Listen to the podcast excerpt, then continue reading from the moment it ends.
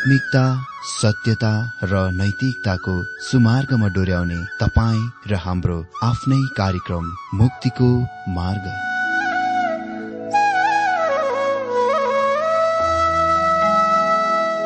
आदरणीय श्रोता यस मुक्तिको मार्ग कार्यक्रममा हार्दिक स्वागत छ। आशा छ यस आत्मिक कार्यक्रमद्वारा जीवनमा आत्मिक आशिष अलौकिक शान्ति र आनन्द प्राप्त गर्नुहुनेछ। र जीवनमा धन्य अनुभव गर्नुहुनेछ। आउनुहोस् श्रोता। मन र आत्माको तयारीको लागि यो मिठो अनि मधुर भजन गीत सुनौ।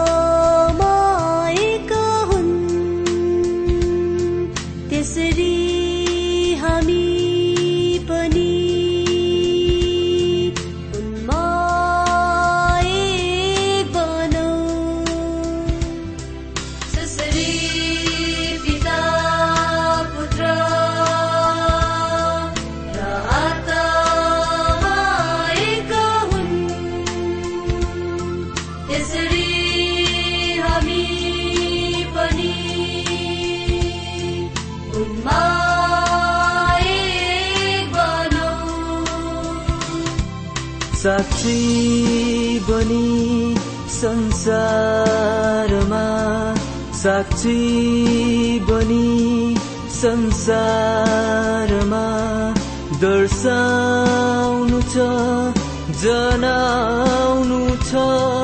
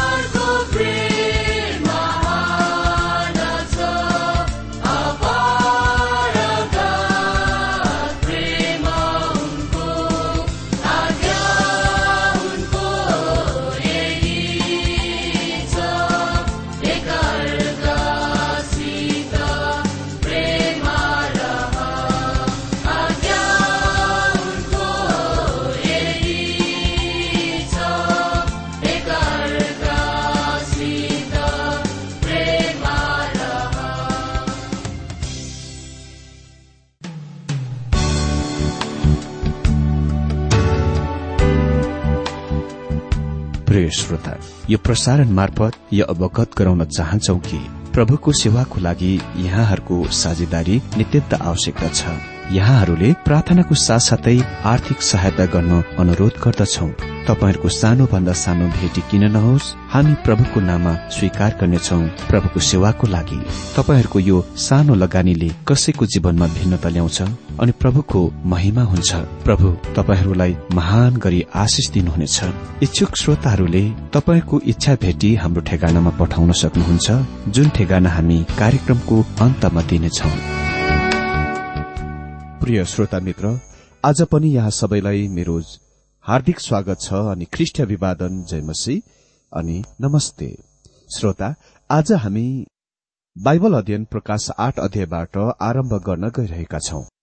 र आज हामी सायद प्रकाश आठ अध्याय एक पदबाट मात्र बाइबल अध्ययन गर्नेछौ। आठ अध्यायमा हामीसँग सातौं छापको खोलाइ छ जुनले हामीलाई सात स्वर्गीय दूतहरूले सात तुरै फुक्ने कुराको परिचय दिन्छ वा सात स्वर्गीय दूतहरूद्वारा सात तुरै फुकाईको परिचय दिन्छ। चार तुरैहरू यो अध्यायमा व्यवहार गरिनेछ। सात अध्यायको निक्षिप्त विषय दुई समूहहरूको छाप लगाई कार्यपछि अहिले हामीसँग छापहरूको खोल्ने कुराको पुनः आरम्भ छ। खालि सातौं छाप मात्र खोलिन बाँकी छ। यो नै तरिका वा विधिको बाँकी प्रकाशका पुस्तकका अध्यायहरूमा राख्छन् ताकि हामी गलत बाटोमा भौतारी जान नसकौं भनेर। त्यहाँ सातहरूको अनुक्रमा वा माला छ। वास्तवमा भन्नु नै पर्दा त्यहाँ चार अनुक्रमा वा मालाहरू छन् जुन महाक्लेश वा महासंकष्ट अवधिसँग सम्बन्ध राख्छ। युहनाले सर्वप्रथममा पहिलो छवटा अनुक्रमा वा माला दिन्छन्। त्यसपछि उसले निश्चित विषयको पेश गर्दछन् जुनले त्यस विशेष माला वा अनुक्रमाको बुझ्नलाई सहायता गर्दछ। मैले उल्लेख गरेको शब्द निश्चितको मतलब सायद कतिजनालाई थाहा नहोला। यो चाहिँ वाक्यको बीचमा घुसाइएको शब्द वा वाक्य अंश जसलाई कोष्टक अलप विराम वा धर्काले छुटाएको हुन्छ। यसलाई बन्धनी पनि भनिन्दछ अन्तिममा अनुक्रमा वा मालाको सातौं खोलाइले सातौंको अर्को माला वा अनुक्रमाको परिचय गर्दछ। जुनको मतलब यी मालाहरू अनुक्रमाहरू एक आपसमा एकदम सम्बन्धित छन् र जोडिएका छन् र वास्तवमा तिनीहरू एउटै समय अवधिका हुन्। यस बिन्दुमा प्रसंगबाट हटिजाने वा सनसनीपूर्ण हुने कुनै कारण छैन। कुरालाई आरम्भ गर्नुपर्दा हामीले भनिसकेका छौं कि प्रकाश चार अध्यायबाट यता सबै कुरा भविष्यसँग सम्बन्ध राख्छ अर्थात् यी कुराहरू पनि हुने आउने कुराहरू अन्तर्गत आउँदछन्। हामी त्यस्तो दिनमा रहिरहेका छौं जुन वर्तमान हो अर्थात् चर्च युगमा। र एक अर्थमा यी कुराहरू हामीसँग सम्बन्ध राख्दैनन्। धेरै मानिसहरू भन्छन् ओ प्रकाशको पुस्तक पढ्न अध्ययन गर्न मलाई डर लाग्छ वा यसले मलाई भयभीत पार्छ। म यस कुराको स्वीकार गर्दछु कि चार घोड चढीहरूको घोड सवारदेखि शुरू भएर यता। यी कुराहरू भयानक र डरलाग्दो दण्डर हुन्। जुन यो पृथ्वीमाथि आइरहेको छ। तिनीहरू त्यति भयंकर छन् कि तिनीहरूको बारेमा पर्दामा नै दिमागको दिमागलाई अलमल पार्दछ। तर हामी कमसे कम यो जान्न सक्छौ कि हामी कहाँ छौं। यी कुराहरू चर्चले मण्डलीले पृथ्वी छोडिसकेपछि मात्र स्थान लिनेछ। यदि तपाईँ परमेश्वरको सन्तान हुनुहुन्छ भने मार्कलेस अवधि भन्दा पहिले वा अघि नै जब चर्च मण्डली संसारबाट हटाइन्दछ ख्रिस्ट कहाँ सुम्पिनलाई? तपाईँ पवित्र आत्माद्वारा छाप लगाइएको हुनुहुन्छ र यसलाई चर्चको धन्य आशा भनिन्दछ। र तपाईँ यसको मतलब स्वर्गीयमा गइसक्नु भएको हुनेछ त्यो महाक्लेश शुरू हुनुभन्दा पहिले। सात तुरहिकले हामीलाई महाक्लेशको पूर्ण प्रचण्डतातिर उग्रतातिर ल्याउँदछ।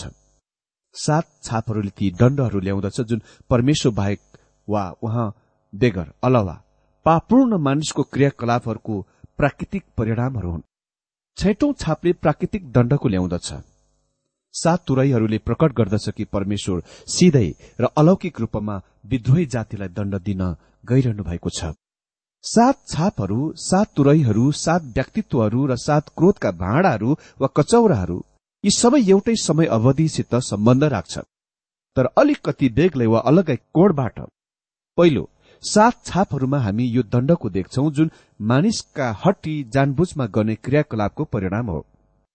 परमेश्वरको दण्ड पापूर्ण मानिसमाथि आउनेछ पापपूर्ण मानिसमाथि आउने पहिलो छापमा हामीले सेतो घोडाको सवारी जुन झुट्टा शान्ति थियो जुन ख्रिस विरोधी देखावटी रूपमा केही समयसम्म पृथ्वीमा त्यो शान्ति ल्याउनेछ।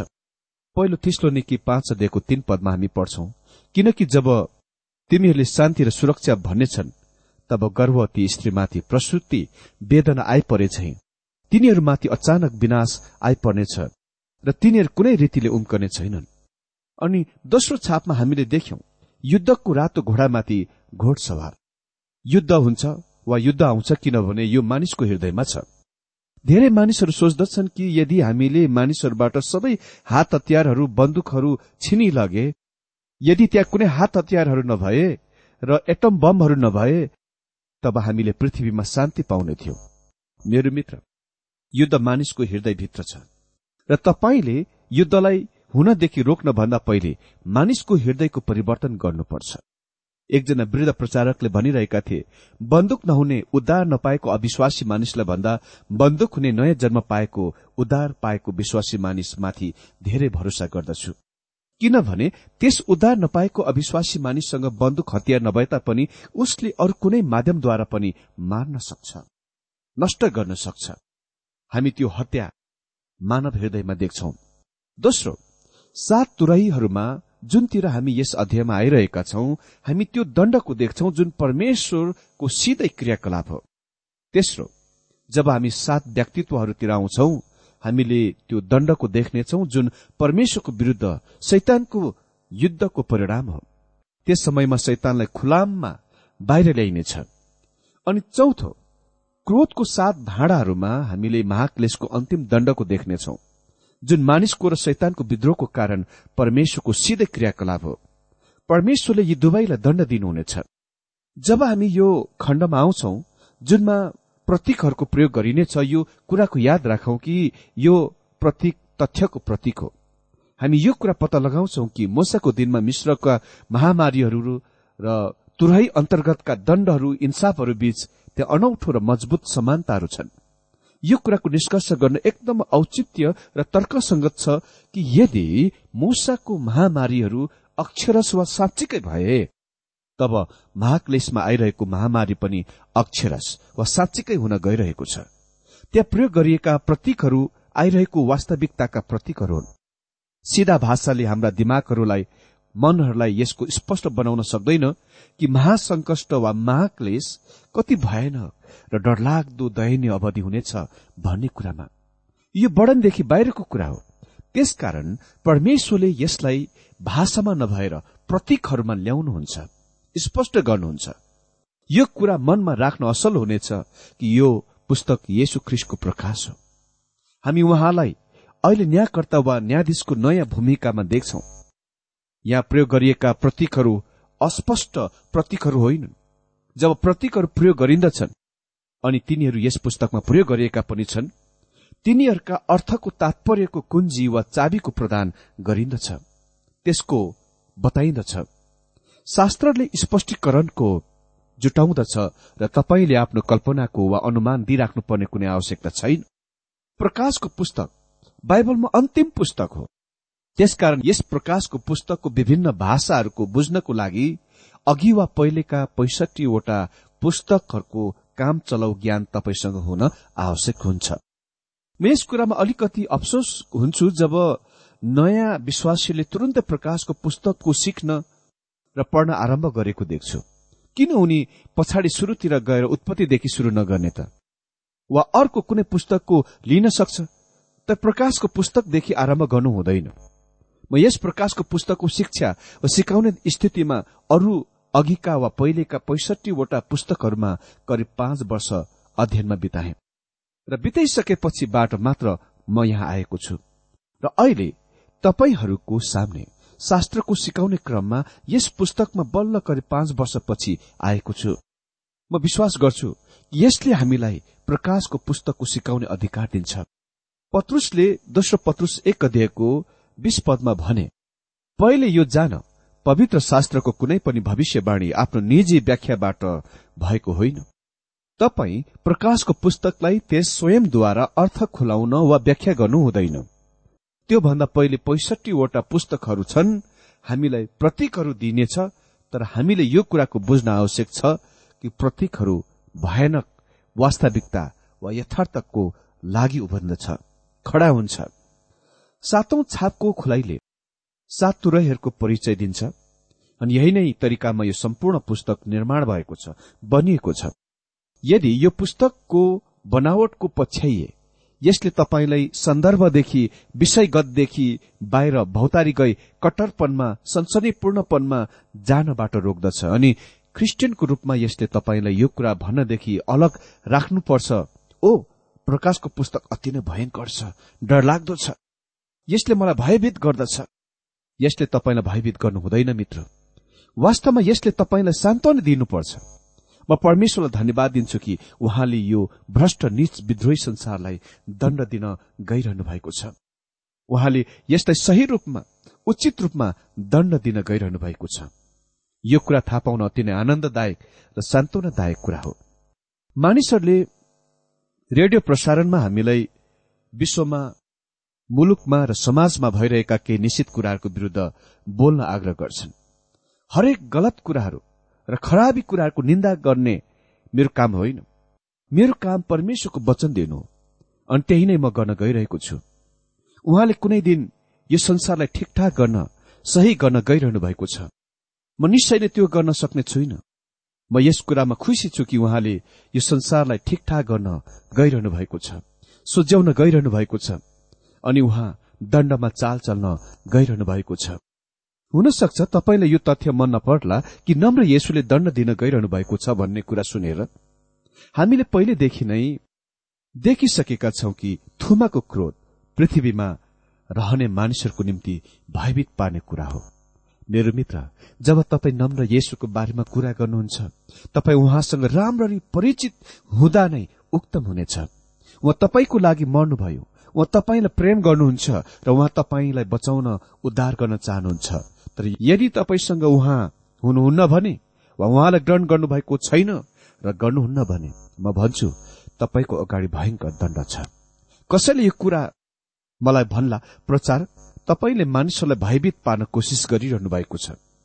तर मित्र यो मेरो कथन होइन। यो परमेश्वरको र परमेश्वरको वचनको कथन हो। यो पृथ्वीमा दण्ड आइरहेको छ। यसको लागि म हालले लुया भन्छु। म खुसी छु कि यो आइरहेको छ। र परमेश्वरले संसारलाई आफ्नै मन खुसीमा जान र बिना दण्ड उम्कन दिनु हुने छैन जस्तो कि त्यसले अहिले गरिरहेको छ। यो क्रिया धेरै लामो समयदेखि चलिरहेको छ। मित्र आज हामी खालि सातौं छापको खोलाइको मात्र देख्छौ। प्रकाश आठ अध्ययको एक पदमा यस प्रकार लेखिएको छ जब थुमाले सातौं मोहर तोड्नुभयो तब प्राय आधा घण्टासम्म स्वर्गीयमा सन्नाटा भयो। अनि जब उहाँले सातौं छाप खोल्नुभयो तब स्वर्गीयमा आधा घण्टा जति सन्नाटा भयो। केही साल वर्ष पहिले म तीन चार सय जवानहरूको बीचमा सभामा बोल्न गएको थिएँ। त्यो कन्फरेन्स सभा चाहिँ एक किसिमको रिट्रिट थियो। खाजा नास्ता र केही विरामको समयमा मका एक केटीहरूको झुन्ड आइरहेको देखे। अनि तिनीहरूको बीचमा एकजना केटा थियो। यो यस्तो देखिन्थ्यो कि ती केटीहरूले त्यस केटालाई पक्रेर कहीँ कतै कुनै ठोस कुराको निर्णयको लागि लगिरहेका थिए र तिनीहरूले यसको बारेमा अति नै ठूलो हल्ला स्वर मचाइरहेका थिए। अन्त्यमा तिनीहरू मका आए अनि ती केटीहरूले मलाई सुनाउन चाहन्थे कि त्यस केटाले के भने? त्यस केटाले मलाई भन्यो प्रचारक के तपाईँ जान्नुहुन्छ कि स्वर्गीयमा कुनै केटीहरू स्त्रीहरू हुन गइरहेका छैनन्? मैले भने अह म त्यो त थाहा पाएको थिइन। मैले सोधे के तिमीसँग त्यसको लागि शास्त्रको कुनै आर्ट छ आधार छ त? उसले भन्यो छ। बाइबलले भन्छ स्वर्गीयमा आधा घण्टा जति सन्नाटा मौन हुन गइरहेको छ। यदि त्यहाँ कुनै स्त्रीहरू भए त्यति लामो समयसम्म त्यहाँ कुनै सन्नाटा मौनता हुँदैन। त्यस जवान केटालाई एक झुप्पा केटीहरूद्वारा घेरिएका थिए र उसलाई त्यस खास अर्थ खुलाइ वा व्याख्याको लागि ठिकठाक गर्न कोसिस गरिरहेका थिए। निश्चय नै म ती केटीहरूका कुराहरूसँग सहमत छु किनकि यसको यहाँ यो मतलब होइन। यो पदको तात्पर्य हो यो होइन कि स्वर्गीयमा कुनै केटीहरू वा स्त्रीहरू हुन गइरहेका छैनन्। मित्र म यस अनुच्छेदलाई एकदम हल्का फुल्का नोटमा तरिकामा खोल्ने काममा गल्ती गरे किनकि यसले राख्नुपर्ने सरोकार एकदम गम्भीरतासँग छ। प्रभु येशुले अझै नियन्त्रणमा र जंगी अख्तियारमा हुनुहुन्छ। उहाँले सातौं छाप खोल्नुहुन्छ अनि त्यहाँ सात तुरहीहरूको परिचय हुन्छ। उहाँले अहिले क्रियाको स्वर्गीयबाट निर्देशन दिनुहुन्छ। हामीले यो कुराको मनमा राख्न आवश्यक छ। यो तथ्यको दृश्यको नहराउनुहोस् कि प्रकाशको पुस्तकले उहाँलाई सम्पूर्ण पृथ्वीको न्यायकर्ताको रूपमा उहाँको महिमामा पेश गर्दछ। यो आशा नगरौं कि यहाँ येशुलाई नम्र येशुको रूपमा पेश गरिएको छ। जो खालि सधैँ भलाइ असल मात्र गर्नुहुन्थ्यो जुन उहाँले गर्नु भए पनि अनि आजसम्म उहाँ असल अनुग्रही प्रभु हुनुहुन्छ। अहिले हामी त्यस तस्विरमा उहाँलाई देख्ने छैनौं। किनकि उहाँलाई कुनै दिन थुमाको क्रोधको रूपमा देख्न गइरहेका छौं। उहाँ अहिलेसम्म त्यो थुमा हुनुहुन्छ जसको बारेमा बत्तीसमा दिने युवानाले भने युवाना एक अध्ययको उन्तिस पदमा हेर परमेश्वरको थुमा जसले संसारको पाप उठाइ लैजान्छ। मानिसहरू पापीहरू भएको कारणले निन्दित र गुम भएका छैनन्। तिनीहरू निन्दित र गुम भएका छन् किनभने तिनीहरूले येशु ख्रिष्टलाई इन्कार गरेका छन् जो तिनीहरूको लागि मर्नुभयो। यद्यपि तपाईँ गुम निन्दित अनन्तता वा अनन्तकालतिर जानु भए पनि र ख्रिष्ट ग्रहण नगर्नु भए तापनि वा तपाईँको निम्ति मर्नुभयो र तपाईँले उहाँको बलिदानलाई आफ्नो लागि कति पनि अप्नाउनु भएन स्वीकार गर्नु भएन। तपाईँले ख्रिसको रगतलाई रगतलाई आफ्नो पैताला मुनि कुल्चन्नु भएको छ जब तपाईँले उहाँप्रति त्यस प्रकारको मनोवृत्ति र स्थितिको लिनुहुन्छ। यो अति नै गम्भीर कुरा हो। गम्भीर दृश्य हो। प्रभु येशु ख्रिस्टले स्वर्गीय नर्क र पृथ्वीको आदेश गर्नुहुन्छ। उहाँको अनुमति बेगर केही पनि हुन सक्दैन। उहाँले पहिले नै पृथ्वीमा प्राकृतिक शक्तिहरूको समाप्तिको आज्ञा गर्नुभयो। जब उहाँले छाप मार्ने कुराको र निश्चित दुई समूहहरूको बचाउने कुराको आज्ञा गर्नुभयो। अहिले क्षणिक समयको लागि दण्ड क्रियाकलापमा शान्त छ मौन छ। मौनता छ। त्यहाँ स्वर्गीय सन्नाटा छ। गजेटले यसको यसरी परिभाषित गरे। यो मौनता यो सन्नाटा क्रियाको रोक वा विराम हो। यो आँधी तुफान भन्दा पहिले वा अघिको सन्नाटा वा मौनता हो। किन त्यहाँ अनौठो मौनता छ त? परमेश्वरको धीरज थाकेको छैन। जब छैटौं छाप खोलियो प्राकृतिक प्राकृतिले सामर्थ्य खलबली जोडदार हल्लाइद्वारा प्रति जवाब दियो। सामर्थ्य शक्तिशाली मानिसहरू केही क्षणको लागि कमजोर भए। ख्रिस्टले तिनीहरूलाई प्रस्ताव गर्न मौका दिनुभयो। तर फारो जस्तै जब उसबाट महामारीहरू हटाइयो तब उनी फेरि आफ्नो पुरानो मौलिक इरादातिर फर्किजान्थ्यो। त्यस्तै गरी धेरै मानिसहरू तिनीहरूका आफ्नै ईश्वर निन्दा आचरणमा फर्किजान्छन् जब हरेक कुरा शान्त र मौन हुन्छ। तिनीहरू यतिसम्म पनि भन्छन् कि यो त दैव संयोग वा प्राकृतिक प्रतिक्रिया मात्र थियो। अकस्मात कुरा हो। त्यो कहाँ परमेश्वरले गरेको हो र हरेक कुरा स्वाभाविक कारणहरूद्वारा वर्णन गरिन्दछन्। मेरो मित्र यो आँधी तुफान भन्दा पहिलेको शान्त मौनता हो। कसैले भनेका थिए कृपाबाट दण्डतिर परमेश्वरको कदमहरू सधैँ बिस्तारै ढिलो अनिच्छुक र नियमित तालबद्ध हुन्छ। परमेश्वर दण्ड दिन अनिच्छुक हुनुहुन्छ किनभने उहाँ रिसाउनमा धीमा हुनुहुन्छ। दण्ड दिने कुरा उहाँको अनौठो काम हो। यसैया लेख्छन् अठाइस अध्यायको एक्काइस पदमा पराजिम पर्वतमा उठ्नु भए झै परमप्रभु उठ्नुहुनेछ जीवनको बेसीमा उहाँ जाग्नु भए झै जाग्नुहुनेछ आफ्नो काम आफ्नै अनौठो काम गर्न र आफ्नो कार्य अर्थात् आफ्नो अर्कै कार्य पूरा गर्न। त्यो अनौठो कुरा के हो? परमेश्वरको लागि त्यो उहाँको दण्ड दिने काम। वा परमेश्वर प्रेमको परमेश्वर हुनुहुन्छ। इजिकेल अठार अध्ययको बत्तीस पदमा हामी पढ्छौ किनभने कसैको मृत्युमा म प्रसन्न हुन्न। परमप्रभु परमेश्वर भन्नुहुन्छ प्रस्ताव गर र बाँच। यो मौनता सन्नाटाले अनुग्रहदेखि दण्डको परिवर्तनको अंकित गर्दछ। परमेश्वर पर्खिरहनु भएको छ। अनि उहाँले तपाईँलाई पनि आज पर्खिरहनु भएको छ। यदि अहिलेसम्म तपाईँ उहाँ कहाँ आउनु भएको छैन भने तपाईँ उहाँ कहाँ आउन सक्नुहुन्छ। किनभने उहाँ अनुग्रही उद्धारकर्ता हुनुहुन्छ। परमेश्वर आजको यो बाइबल अध्ययनद्वारा हरेकलाई धेरै धेरै आशिष दिनुभएको होस्।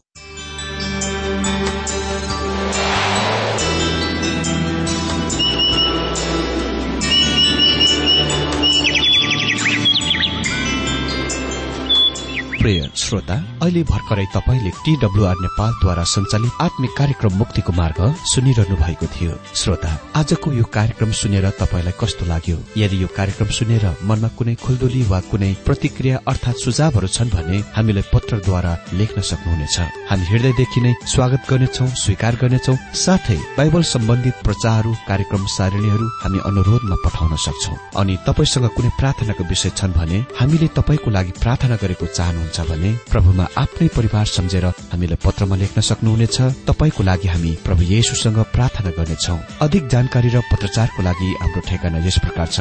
कार्यक्रम मुक्तिको मार्ग जीपीओ नम्बर उनानब्बे पचहत्तर एपीसी पच्चिस एकसठी काठमाडौँ। ठेगाना एकपल्ट सुन्नुहोला। कार्यक्रम मुक्तिको मार्ग जीपीओ नम्बर उनानब्बे पचहत्तर एपीसी पच्चिस एकसठी काठमाडौँ। हाम्रो इमेल एड्रेस हो TWR Nepal at Yahoo dot com. साथै यस नम्बरमा एसएमएस गर्न सक्नुहुनेछ। अन्ठानब्बे चार सत्तरी पैतिस छ सय उनासी नौ आठ चार सात जिरो तीन पाँच छ सात नौ। हुन्छ श्रोता आजलाई हामी विदा चाहन्छौ। अर्को कार्यक्रममा हामी पुनः भेट्नेछौ तबसम्मलाई नमस्कार।